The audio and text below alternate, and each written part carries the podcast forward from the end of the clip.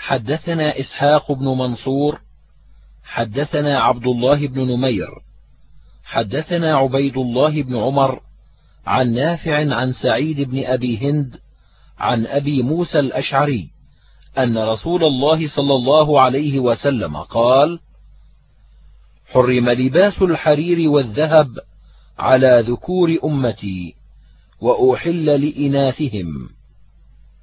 قال أبو عيسى وفي الباب عن عمر وعلي وعقبة بن عامر وأنس وحذيفة وأم هانئ وعبد الله بن عمرو وعمران بن حسين وعبد الله بن الزبير وجابر وأبي ريحان وابن عمر وواثلة بن الأسقع وحديث أبي موسى حديث حسن صحيح.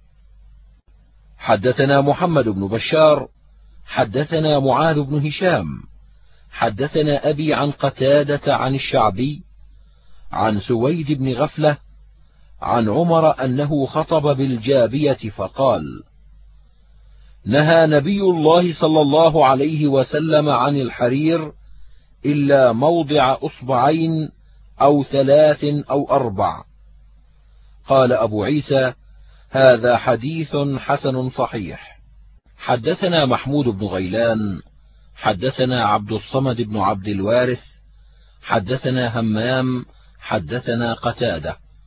عن أنس بن مالك أن عبد الرحمن بن عوف والزبير بن العوام شكيا القمل إلى النبي صلى الله عليه وسلم في غزاة لهما فرخص لهما في قمص الحرير قال ورأيته عليهما.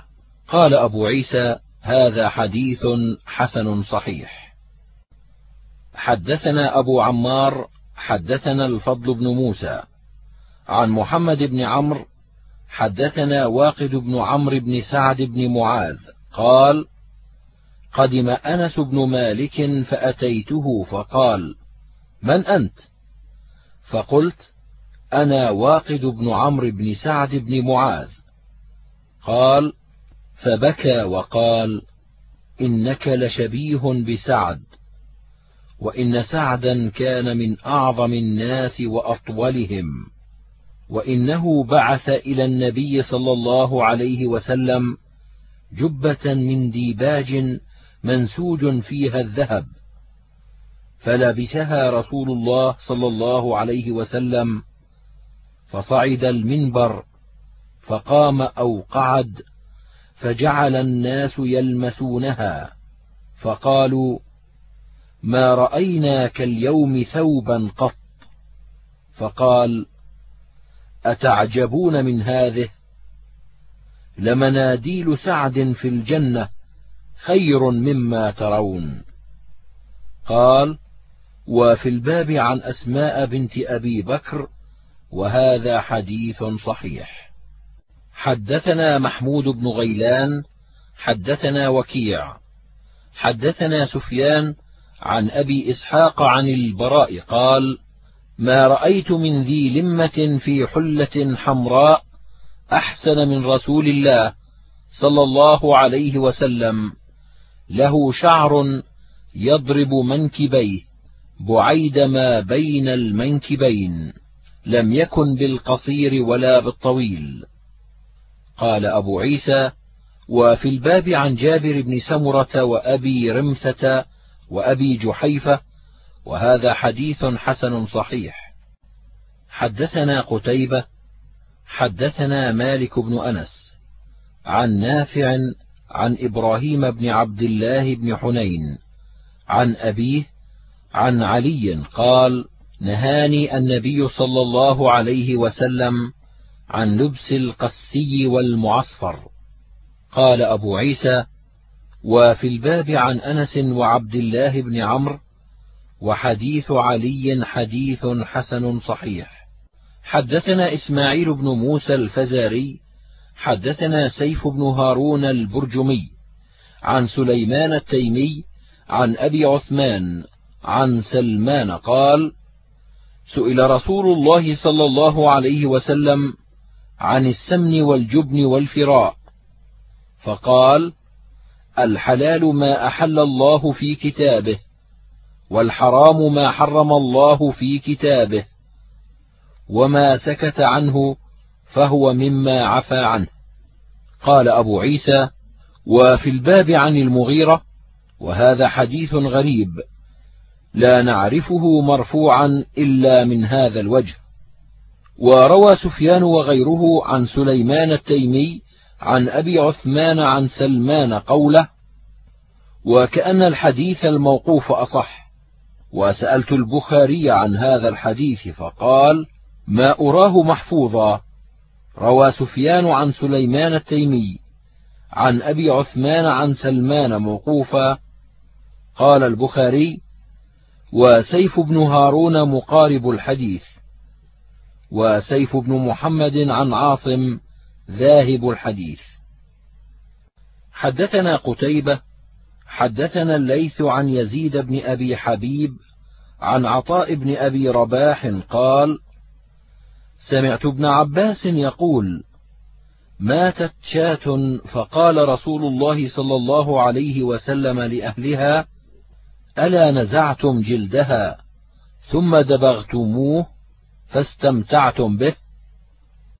حدثنا قتيبة وحدثنا سفيان بن عيينة وعبد العزيز بن محمد عن زيد بن أسلم عن عبد الرحمن بن وعلة عن ابن عباس قال قال رسول الله صلى الله عليه وسلم أيما إهاب دبغ فقد طهر. والعمل على هذا عند أكثر أهل العلم قالوا في جلود الميتة إذا دبغت فقد طهرت. قال أبو عيسى قال الشافعي أيما إهاب ميتة دبغ فقد طهر إلا الكلب والخنزير واحتج بهذا الحديث. وقال بعض أهل العلم من أصحاب النبي صلى الله عليه وسلم وغيرهم إنهم كرهوا جلود السباع وإن دبغ. وهو قول عبد الله بن المبارك وأحمد وإسحاق وشددوا في لبسها والصلاة فيها. قال إسحاق بن إبراهيم إنما معنى قول رسول الله صلى الله عليه وسلم أيما إهاب دبغ فقد طهر جلد ما يؤكل لحمه. هكذا فسره النضر بن شميل. وقال إسحاق قال النضر بن شميل إنما يقال الإهاب لجلد ما يؤكل لحمه. قال أبو عيسى وفي الباب عن سلمة بن المحبق وميمونة وعائشة. وحديث ابن عباس حسن صحيح. وقد روي من غير وجه عن ابن عباس عن النبي صلى الله عليه وسلم نحو هذا. وروي عن ابن عباس عن ميمونة عن النبي صلى الله عليه وسلم وروي عنه عن سودة وسمعت محمدا يصحح حديث ابن عباس عن النبي صلى الله عليه وسلم وحديث عباس عن ميمونة وقال احتمل أن يكون روى ابن عباس عن ميمونة عن النبي صلى الله عليه وسلم. وروى ابن عباس عن النبي صلى الله عليه وسلم ولم يذكر فيه عن ميمونة. قال أبو عيسى والعمل على هذا عند أكثر أهل العلم وهو قول سفيان الثوري وابن المبارك والشافعي وأحمد وإسحاق.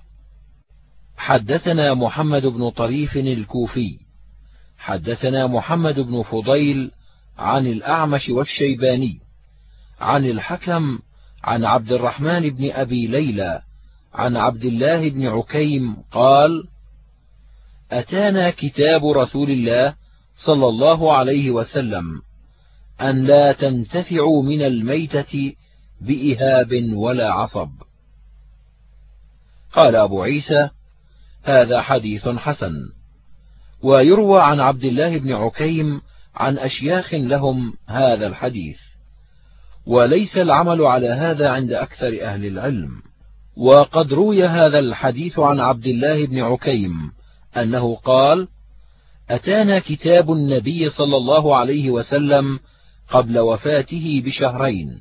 قال وسمعت أحمد بن الحسن يقول كان أحمد بن حنبل يذهب إلى هذا الحديث لما ذكر فيه قبل وفاته بشهرين. وكان يقول كان هذا آخر أمر النبي صلى الله عليه وسلم. ثم ترك أحمد بن حنبل هذا الحديث لما اضطربوا في إسناده حيث روى بعضهم فقال عن عبد الله بن عكيم عن أشياخ لهم من جهينة. حدثنا الأنصاري حدثنا معا حدثنا مالك وحدثنا قتيبة عن مالك عن نافع وعبد الله بن دينار. وزيد بن أسلم كلهم يخبر عن عبد الله بن عمر أن رسول الله صلى الله عليه وسلم قال: لا ينظر الله يوم القيامة إلى من جر ثوبه خيلاء. قال أبو عيسى: وفي الباب عن حذيفة وأبي سعيد وأبي هريرة وسمرة وأبي ذر وعائشة وهبيب بن مغفل وحديث ابن عمر حديث حسن صحيح. حدثنا الحسن بن علي الخلال حدثنا عبد الرزاق. أخبرنا معمر عن أيوب عن نافع عن ابن عمر قال قال رسول الله صلى الله عليه وسلم من جر ثوبه خيلاء لم ينظر الله إليه يوم القيامة. فقالت أم سلمة فكيف يصنعن النساء بذيولهن؟ قال يرخين شبرا. فقالت اذا تنكشف أقدامهن. قال فيرخينه ذراعا لا يزدن عليه. قال هذا حديث حسن صحيح. حدثنا إسحاق بن منصور أخبرنا عفان حدثنا حماد بن سلمة عن علي بن زيد عن أم الحسن أن أم سلمة حدثتهم أن النبي صلى الله عليه وسلم شبر لفاطمة شبرا من نطاقها. قال أبو عيسى وروى بعضهم عن حماد بن سلمة عن علي بن زيد عن الحسن عن أبيه عن أم سلمة. وفي هذا الحديث رخصة للنساء في جر الإزار لأنه يكون أستر لهن. حدثنا أحمد بن منيع حدثنا إسماعيل بن إبراهيم حدثنا أيوب عن حميد بن هلال عن أبي بردة قال أخرجت إلينا عائشة كساء ملبدا وإزارا غليظا فقالت قبض روح رسول الله صلى الله عليه وسلم في هذين. قال أبو عيسى وفي الباب عن علي وابن مسعود وحديث عائشة حديث حسن صحيح. حدثنا علي بن حجر حدثنا خلف بن خليفة عن حميد الأعرج عن عبد الله بن الحارث عن ابن مسعود عن النبي صلى الله عليه وسلم قال: كان على موسى يوم كلمه ربه كساء صوف وجبة صوف وكمة صوف وسراويل صوف وكانت نعلاه من جلد حمار ميت. قال أبو عيسى هذا حديث غريب لا نعرفه إلا من حديث حميد الأعرج. وحميد هو ابن علي الكوفي. قال سمعت محمدا يقول حميد بن علي الأعرج منكر الحديث. وحميد بن قيس الأعرج المكي صاحب مجاهد ثقة. والكمة القلنسوة الصغيرة حدثنا محمد بن بشار حدثنا عبد الرحمن بن مهدي عن حماد بن سلمة عن أبي الزبير عن جابر قال دخل النبي صلى الله عليه وسلم مكة يوم الفتح وعليه عمامة سوداء.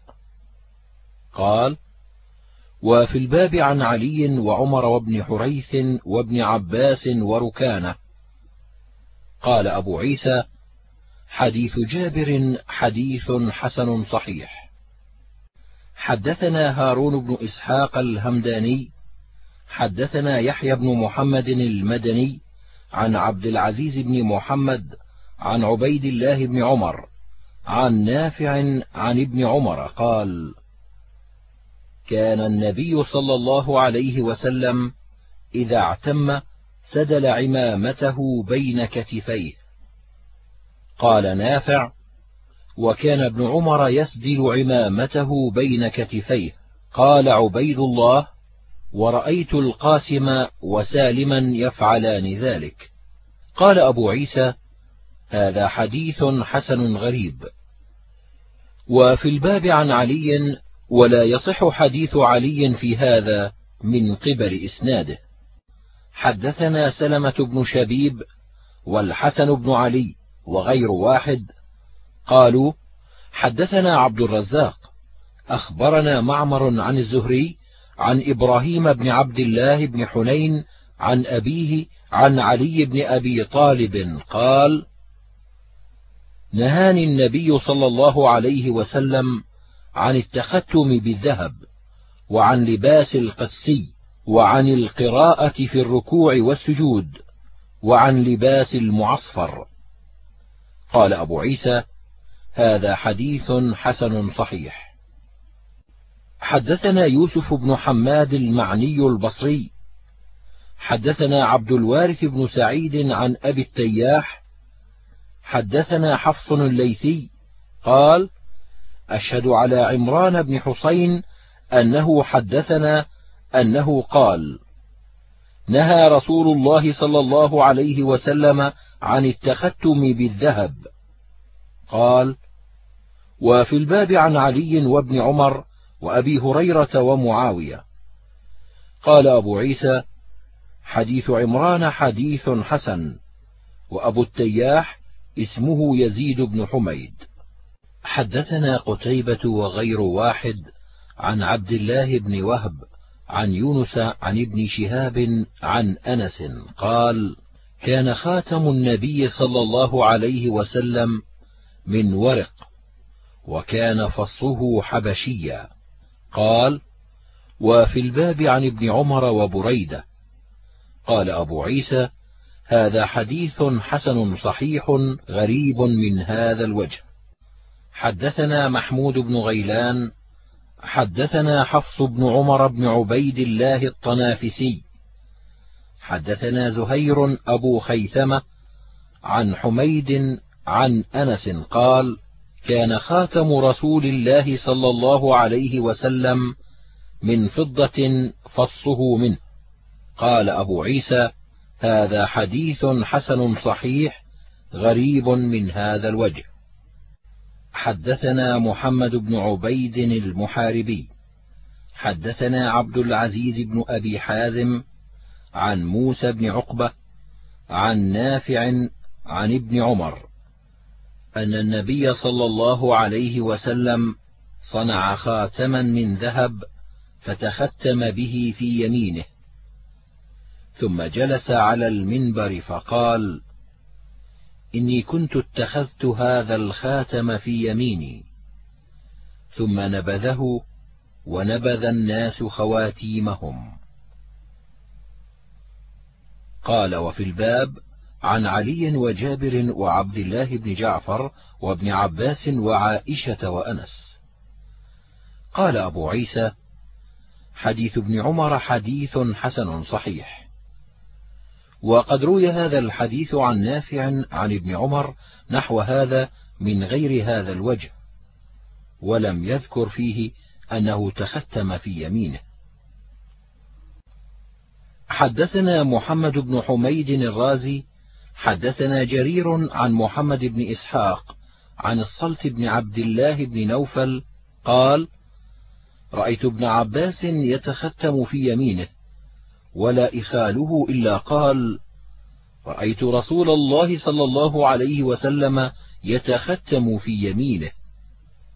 قال أبو عيسى قال محمد بن إسماعيل حديث محمد بن إسحاق عن الصلت ابن عبد الله بن نوفل حديث حسن صحيح. حدثنا قتيبة حدثنا حاتم بن إسماعيل عن جعفر بن محمد عن أبيه قال كان الحسن والحسين يتختمان في يسارهما. هذا حديث حسن صحيح. حدثنا أحمد بن منيع حدثنا يزيد بن هارون عن حماد بن سلمة قال رأيت ابن أبي رافع يتختم في يمينه فسألته عن ذلك فقال رأيت عبد الله بن جعفر يتختم في يمينه. وقال عبد الله بن جعفر كان النبي صلى الله عليه وسلم يتختم في يمينه. قال وقال محمد بن إسماعيل هذا أصح شيء روي في هذا الباب.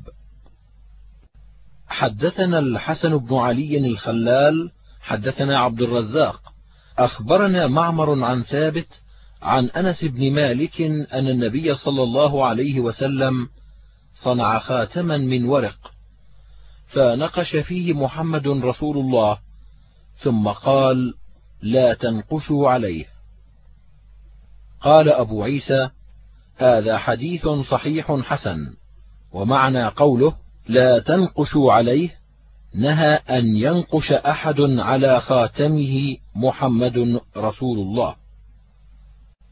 حدثنا إسحاق بن منصور أخبرنا سعيد بن عامر والحجاج بن منهال قالا حدثنا همام عن ابن جريج عن الزهري عن أنس قال كان رسول الله صلى الله عليه وسلم إذا دخل الخلاء نزع خاتمه. قال أبو عيسى هذا حديث حسن غريب.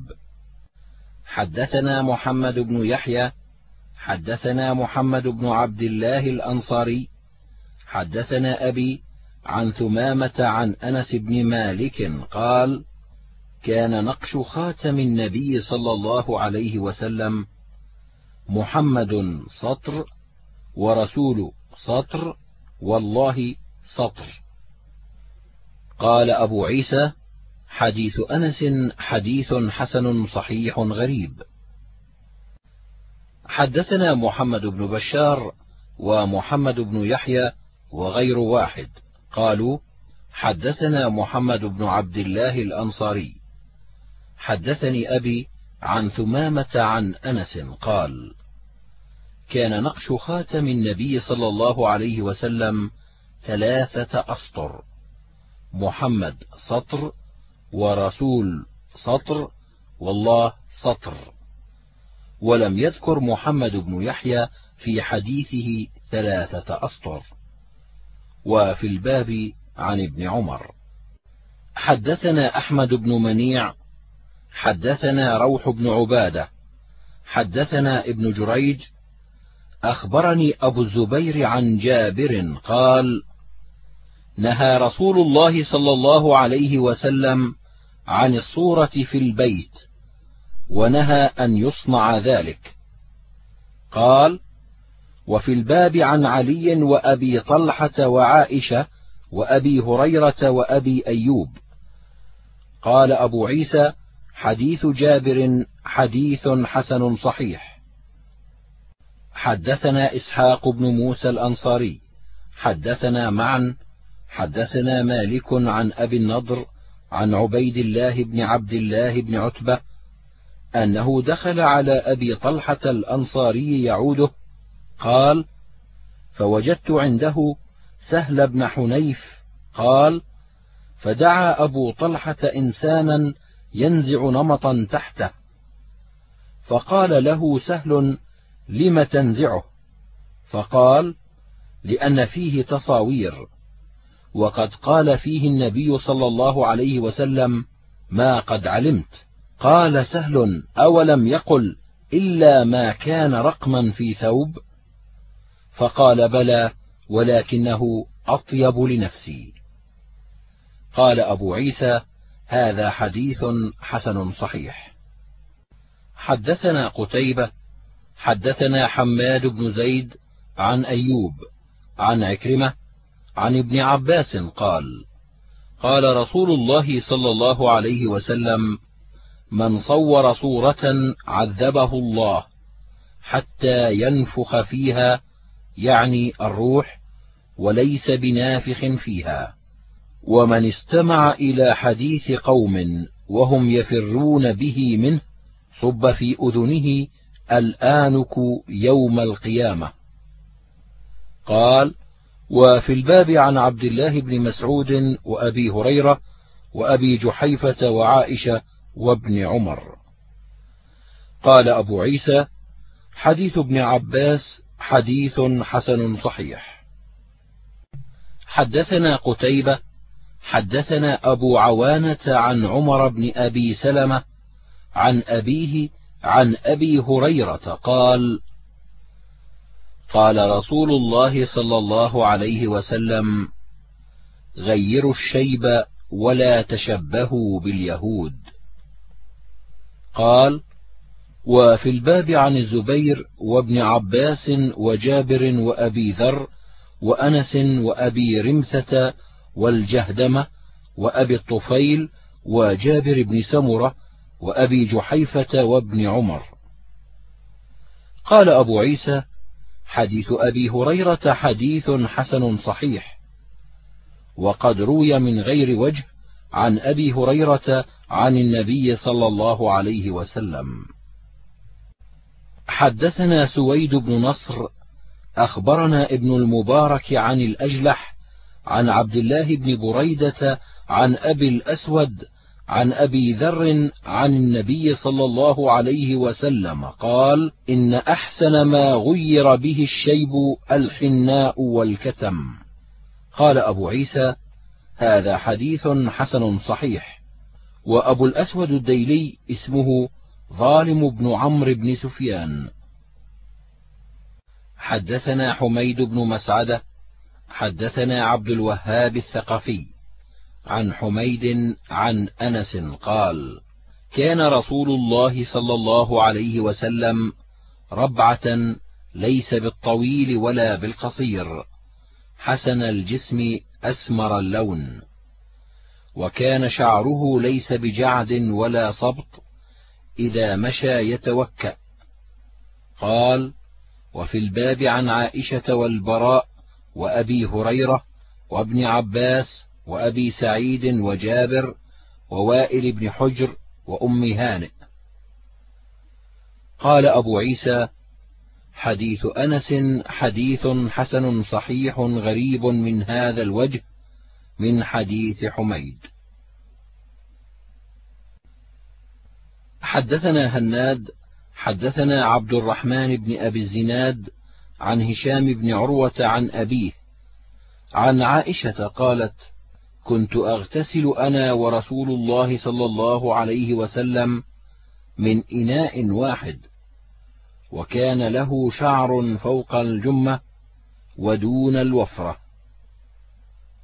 قال أبو عيسى هذا حديث حسن صحيح غريب من هذا الوجه وقد روي من غير وجه عن عائشة أنها قالت كنت أغتسل أنا ورسول الله صلى الله عليه وسلم من إناء واحد ولم يذكروا فيه هذا الحرف وكان له شعر فوق الجمة ودون الوفرة. وعبد الرحمن بن أبي الزناد ثقة كان مالك بن أنس يوثقه ويأمر بالكتابة عنه. حدثنا علي بن خشرم أخبرنا عيسى بن يونس عن هشام عن الحسن عن عبد الله بن مغفل قال نهى رسول الله صلى الله عليه وسلم عن الترجل إلا غبا. حدثنا محمد بن بشار حدثنا يحيى بن سعيد عن هشام عن الحسن بهذا الإسناد نحوه. قال أبو عيسى هذا حديث حسن صحيح. قال وفي الباب عن أنس حدثنا محمد بن حميد حدثنا أبو داود هو الطيالسي عن عباد بن منصور عن عكرمة عن ابن عباس أن النبي صلى الله عليه وسلم قال: اكتحلوا بالإثمد فإنه يجلو البصر وينبت الشعر. وزعم أن النبي صلى الله عليه وسلم كانت له مكحلة يكتحل بها كل ليلة ثلاث في هذه وثلاث في هذه. قال: وفي الباب عن جابر وابن عمر. قال أبو عيسى: حديث ابن عباس حديث حسن غريب لا نعرفه على هذا اللفظ إلا من حديث عباد بن منصور. حدثنا علي بن حجر ومحمد بن يحيى قالا: حدثنا يزيد بن هارون عن عباد بن منصور نحوه، وقد روي من غير وجه عن النبي صلى الله عليه وسلم أنه قال: عليكم بالإثمد فإنه يجلو البصر وينبت الشعر. حدثنا قتيبة حدثنا يعقوب بن عبد الرحمن الأسكندراني عن سهيل بن أبي صالح عن أبيه عن أبي هريرة أن النبي صلى الله عليه وسلم نهى عن لبستين الصماء وأن يحتبي الرجل بثوبه ليس على فرجه منه شيء. قال أبو عيسى وفي الباب عن علي وابن عمر وعائشة وأبي سعيد وجابر وأبي أمامة. وحديث أبي هريرة حسن صحيح غريب من هذا الوجه. وقد روي هذا من غير وجه عن أبي هريرة. حدثنا سويد بن نصر أخبرنا عبد الله بن المبارك عن عبيد الله بن عمر عن نافع عن ابن عمر أن النبي صلى الله عليه وسلم قال: لعن الله الواصلة والمستوصلة والواشمة والمستوشمة قال نافع الوشم في اللثة قال أبو عيسى هذا حديث حسن صحيح قال وفي الباب عن عائشة وابن مسعود وأسماء بنت أبي بكر وابن عباس ومعقل بن يسار ومعاوية. حدثنا علي بن حجر أخبرنا علي بن مسهر حدثنا أبو إسحاق الشيباني عن أشعث بن أبي الشعثاء عن معاوية بن سويد بن مقرن عن البراء بن عازب قال نهانا رسول الله صلى الله عليه وسلم عن ركوب المياثر قال وفي الحديث قصة. قال وفي الباب عن علي ومعاوية. وحديث البراء حديث حسن صحيح. وقد روى شعبة عن أشعث بن أبي الشعثاء نحوه وفي الحديث قصة. حدثنا علي بن حجر أخبرنا علي بن مسهر عن هشام بن عروة عن أبيه عن عائشة قالت إنما كان فراش النبي صلى الله عليه وسلم الذي ينام عليه أدم حشوه ليف. قال أبو عيسى هذا حديث حسن صحيح. قال وفي الباب عن حفصة وجابر حدثنا محمد بن حميد الرازي حدثنا أبو ثميلة والفضل بن موسى وزيد بن حباب عن عبد المؤمن بن خالد عن عبد الله بن بريدة عن أم سلمة قالت: كان أحب الثياب إلى النبي صلى الله عليه وسلم القميص. قال أبو عيسى: هذا حديث حسن غريب إنما نعرفه من حديث عبد المؤمن بن خالد تفرد به وهو مروزي.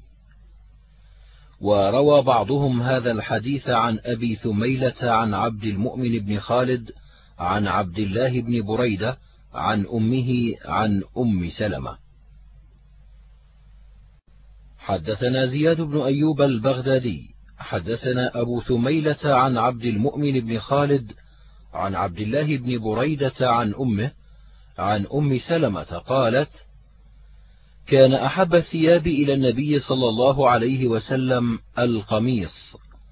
قال وسمعت محمد بن إسماعيل يقول حديث عبد الله بن بريدة عن أمه عن أم سلمة أصح وإنما يذكر فيه أبو ثميلة عن أمه. حدثنا علي بن حجر أخبرنا الفضل بن موسى عن عبد المؤمن بن خالد عن عبد الله بن بريدة عن أم سلمة قالت كان أحب الثياب إلى رسول الله صلى الله عليه وسلم القميص. حدثنا عبد الله بن محمد بن الحجاج الصواف البصري حدثنا معاذ بن هشام الدستوائي عن بديل بن ميسرة العقيلي عن شهر بن حوشب عن أسماء بنت يزيد بن السكن الأنصارية قالت كان كم يد رسول الله صلى الله عليه وسلم إلى الرسغ. قال أبو عيسى هذا حديث حسن غريب. حدثنا نصر بن علي الجهضمي حدثنا عبد الصمد بن عبد الوارث حدثنا شعبة عن الأعمش عن أبي صالح عن أبي هريرة قال: كان رسول الله صلى الله عليه وسلم إذا لبس قميصا بدأ بميامنه. قال أبو عيسى: وروى غير واحد هذا الحديث عن شعبة بهذا الإسناد عن أبي هريرة موقوفا. ولا نعلم أحدا رفعه غير عبد الصمد بن عبد الوارث عن شعبة حدثنا سويد بن نصر أخبرنا عبد الله بن المبارك عن سعيد الجريري عن أبي نضرة عن أبي سعيد قال كان رسول الله صلى الله عليه وسلم إذا استجد ثوبا سماه باسمه عمامة أو قميصا أو رداء. ثم يقول اللهم لك الحمد أنت كسوتنيه أسألك خيره وخير ما صنع له وأعوذ بك من شره وشر ما صنع له. قال أبو عيسى وفي الباب عن عمر وابن عمر حدثنا هشام بن يونس الكوفي حدثنا القاسم بن مالك المزني عن الجريري نحوه وهذا حديث حسن غريب صحيح. حدثنا يوسف بن عيسى حدثنا وكيع حدثنا يونس بن أبي إسحاق عن الشعبي عن عروة بن المغيرة بن شعبة عن أبيه. أن النبي صلى الله عليه وسلم لبس جبة رومية ضيقة الكمين. قال أبو عيسى هذا حديث حسن صحيح. حدثنا قتيبة حدثنا ابن أبي زائدة عن الحسن بن عياش عن أبي إسحاق هو الشيباني عن الشعبي قال قال المغيرة بن شعبة أهدى دحية الكلبي لرسول الله صلى الله عليه وسلم خفين فلبسهما. قال أبو عيسى وقال إسرائيل عن جابر عن عامر وجبة فلبسهما حتى تحرقا. لا يدري النبي صلى الله عليه وسلم أذكي هما أم لا. وهذا حديث حسن غريب. أبو إسحاق اسمه سليمان والحسن بن عياش هو أخو أبي بكر بن عياش. حدثنا أحمد بن منيع حدثنا علي بن هاشم بن البريد وأبو سعد الصنعاني عن أبي الأشهب عن عبد الرحمن بن طرفة عن عرفجة بن أسعد قال أصيب أنفي يوم الكلاب في الجاهلية فاتخذت أنفا من ورق فأنتن علي فأمرني رسول الله صلى الله عليه وسلم أن أتخذ أنفا من ذهب. حدثنا علي بن حجر حدثنا الربيع بن بدر محمد بن يزيد الواسطي عن أبي الأشهب نحوه. قال أبو عيسى هذا حديث حسن غريب إنما نعرفه من حديث عبد الرحمن بن طرفة وقد روى سلم بن زرير عن عبد الرحمن بن طرفة نحو حديث أبي الأشهب. وقد روى غير واحد من أهل العلم أنهم شدوا أسنانهم بالذهب وفي هذا الحديث حجة لهم. وقال عبد الرحمن بن مهدي سلم بن زرين وهو وهم وزرير أصح. وأبو سعيد الصنعاني اسمه محمد بن ميسر. حدثنا أبو كريب حدثنا ابن المبارك ومحمد بن بشر وعبد الله بن إسماعيل بن أبي خالد عن سعيد بن أبي عروبة عن قتادة عن أبي المليح عن أبيه أن النبي صلى الله عليه وسلم نهى عن جلود السباع أن تفترش. حدثنا محمد بن بشار حدثنا يحيى بن سعيد حدثنا سعيد عن قتادة عن أبي المليح عن أبيه أن النبي صلى الله عليه وسلم نهى عن جلود السباع. حدثنا محمد بن بشار حدثنا معاذ بن هشام. حدثني أبي عن قتادة عن أبي المليح أنه كره جلود السباع. قال أبو عيسى ولا نعلم أحدا قال عن أبي المليح عن أبيه غير سعيد بن أبي عروبة. حدثنا محمد بن بشار حدثنا محمد بن جعفر حدثنا شعبة عن يزيد الرشك عن أبي المليح عن النبي صلى الله عليه وسلم أنه نهى عن جلود السباع وهذا أصح. حدثنا محمد بن بشار حدثنا أبو داود حدثنا همام عن قتادة قال قلت لأنس بن مالك كيف كان نعل رسول الله صلى الله عليه وسلم؟ قال لهما قبالان. قال أبو عيسى هذا حديث حسن صحيح. حدثنا إسحاق بن منصور أخبرنا حبان بن هلال. حدثنا همام. حدثنا قتادة عن أنس أن رسول الله صلى الله عليه وسلم كان نعلاه لهما قبالان. قال أبو عيسى هذا حديث حسن صحيح. قال وفي الباب عن ابن عباس وأبي هريرة. حدثنا قتيبة عن مالك وحدثنا الأنصاري. حدثنا معا حدثنا مالك عن أبي الزناد عن الأعرج عن أبي هريرة أن رسول الله صلى الله عليه وسلم قال لا يمشي أحدكم في نعل واحدة لينعلهما جميعا أو ليحفهما جميعا. قال أبو عيسى هذا حديث حسن صحيح. قال وفي الباب عن جابر. حدثنا أزهر بن مروان البصري. حدثنا الحارث بن نبهان عن معمر عن عمار بن أبي عمار عن أبي هريرة قال نهى رسول الله صلى الله عليه وسلم أن ينتعل الرجل وهو قائم. قال أبو عيسى هذا حديث حسن غريب. وروى عبيد الله بن عمرو الرقي هذا الحديث عن معمر عن قتادة عن أنس. وكلا الحديثين لا يصح عند أهل الحديث. والحارث بن نبهان ليس عندهم بالحافظ ولا نعرف لحديث قتادة عن أنس أصلا.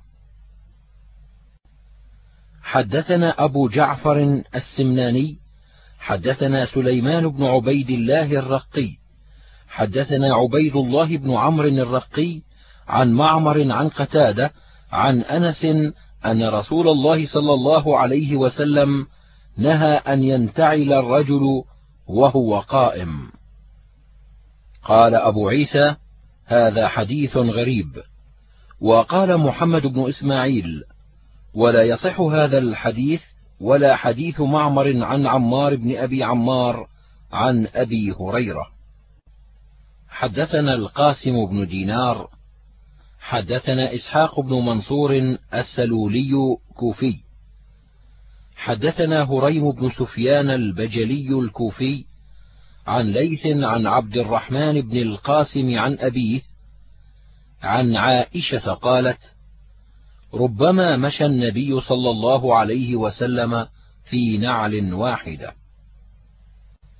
حدثنا أحمد بن منيع حدثنا سفيان بن عيينة عن عبد الرحمن بن القاسم عن أبيه عن عائشة أنها مشت بنعل واحدة وهذا أصح. قال أبو عيسى هكذا رواه سفيان الثوري وغير واحد عن عبد الرحمن بن القاسم موقوفا وهذا أصح. حدثنا الأنصاري حدثنا معا حدثنا مالك وحدثنا قتيبة عن مالك عن أبي الزناد عن الأعرج عن أبي هريرة أن رسول الله صلى الله عليه وسلم قال: إذا انتعل أحدكم فليبدأ باليمين، وإذا نزع فليبدأ بالشمال، فلتكن اليمنى أولهما تنعل وآخرهما تنزع. قال أبو عيسى: هذا حديث حسن صحيح حدثنا يحيى بن موسى حدثنا سعيد بن محمد الوراق وأبو يحيى الحماني قالا حدثنا صالح بن حسان عن عروة عن عائشة قالت قال لي رسول الله صلى الله عليه وسلم إذا أردت اللحوق بي فليكفك من الدنيا كزاد الراكب وإياك ومجالسة الأغنياء. ولا تستخلعي ثوبا حتى ترقعيه. قال أبو عيسى هذا حديث غريب لا نعرفه إلا من حديث صالح بن حسان. قال وسمعت محمدا يقول صالح بن حسان منكر الحديث وصالح بن أبي حسان الذي روى عنه ابن أبي ذئب ثقة. قال أبو عيسى ومعنى قوله وإياك ومجالسة الأغنياء هو نحو ما روي عن أبي هريرة عن النبي صلى الله عليه وسلم أنه قال من رأى من فضل عليه في الخلق والرزق فلينظر إلى من هو أسفل منه ممن فضل هو عليه. فإنه أجدر أن لا يزدري نعمة الله عليه. ويروى عن عون بن عبد الله قال صحبت الأغنياء فلم أر أحدا أكبر هما مني. أرى دابة خيرا من دابتي وثوبا خيرا من ثوبي. وصحبت الفقراء فاسترحت. حدثني ابن أبي عمر حدثنا سفيان بن عيينة عن ابن أبي نجيح عن مجاهد عن أم هانئ قالت قدم رسول الله صلى الله عليه وسلم مكة وله أربع غدائر. قال أبو عيسى هذا حديث حسن غريب. قال محمد لا أعرف لمجاهد سماعا من أم هانئ. حدثنا محمد بن بشار حدثنا عبد الرحمن بن مهدي حدثنا إبراهيم بن نافع المكي عن ابن أبي نجيح عن مجاهد عن أم هانئ قالت قدم رسول الله صلى الله عليه وسلم مكة وله أربع ظفائر أبو نجيح اسمه يسار. قال أبو عيسى هذا حديث حسن غريب وعبد الله بن أبي نجيح مكي. حدثنا حميد بن مسعدة حدثنا محمد بن حمران عن أبي سعيد وهو عبد الله بن بسر قال سمعت أبا كبشة الأنماري يقول كانت كمام أصحاب رسول الله صلى الله عليه وسلم بطحا. قال أبو عيسى هذا حديث منكر. وعبد الله بن بسر بصري هو ضعيف عند أهل الحديث ضعفه يحيى بن سعيد وغيره. وبطح يعني واسعة. حدثنا قتيبة حدثنا أبو الأحوص عن أبي إسحاق عن مسلم بن نذير عن حذيفة قال أخذ رسول الله صلى الله عليه وسلم بعضلة ساقي أو ساقه. فقال هذا موضع الإزار فإن أبيت فأسفل. فإن أبيت فلا حق للإزار في الكعبين. قال أبو عيسى هذا حديث حسن صحيح. رواه الثوري وشعبة عن أبي إسحاق.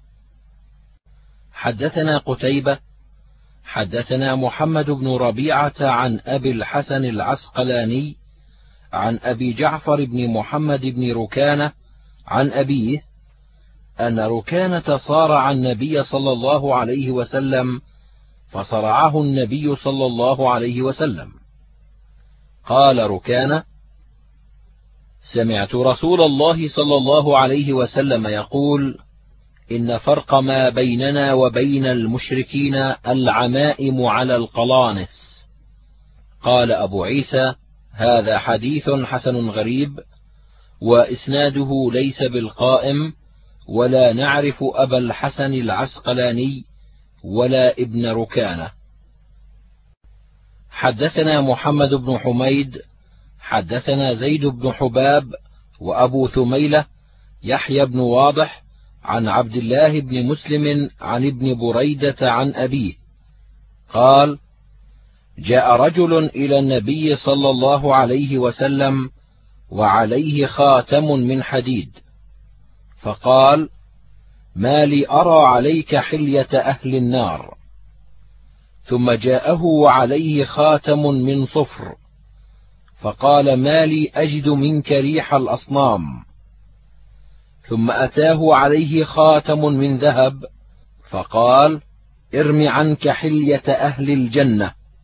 قال من أي شيء أتخذه؟ قال من ورق ولا تتمه مثقالا. قال أبو عيسى هذا حديث غريب.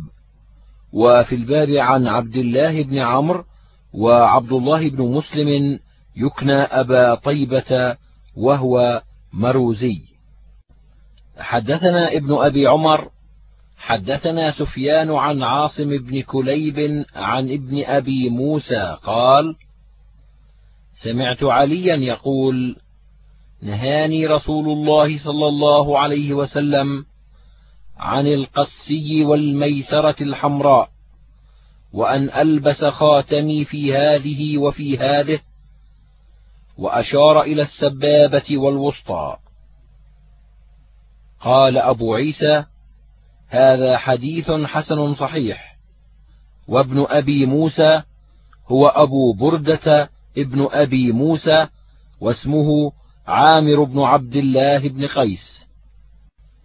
حدثنا محمد بن بشار حدثنا معاذ بن هشام حدثني أبي عن قتادة عن أنس قال كان أحب الثياب إلى رسول الله صلى الله عليه وسلم يلبسها الحبرة.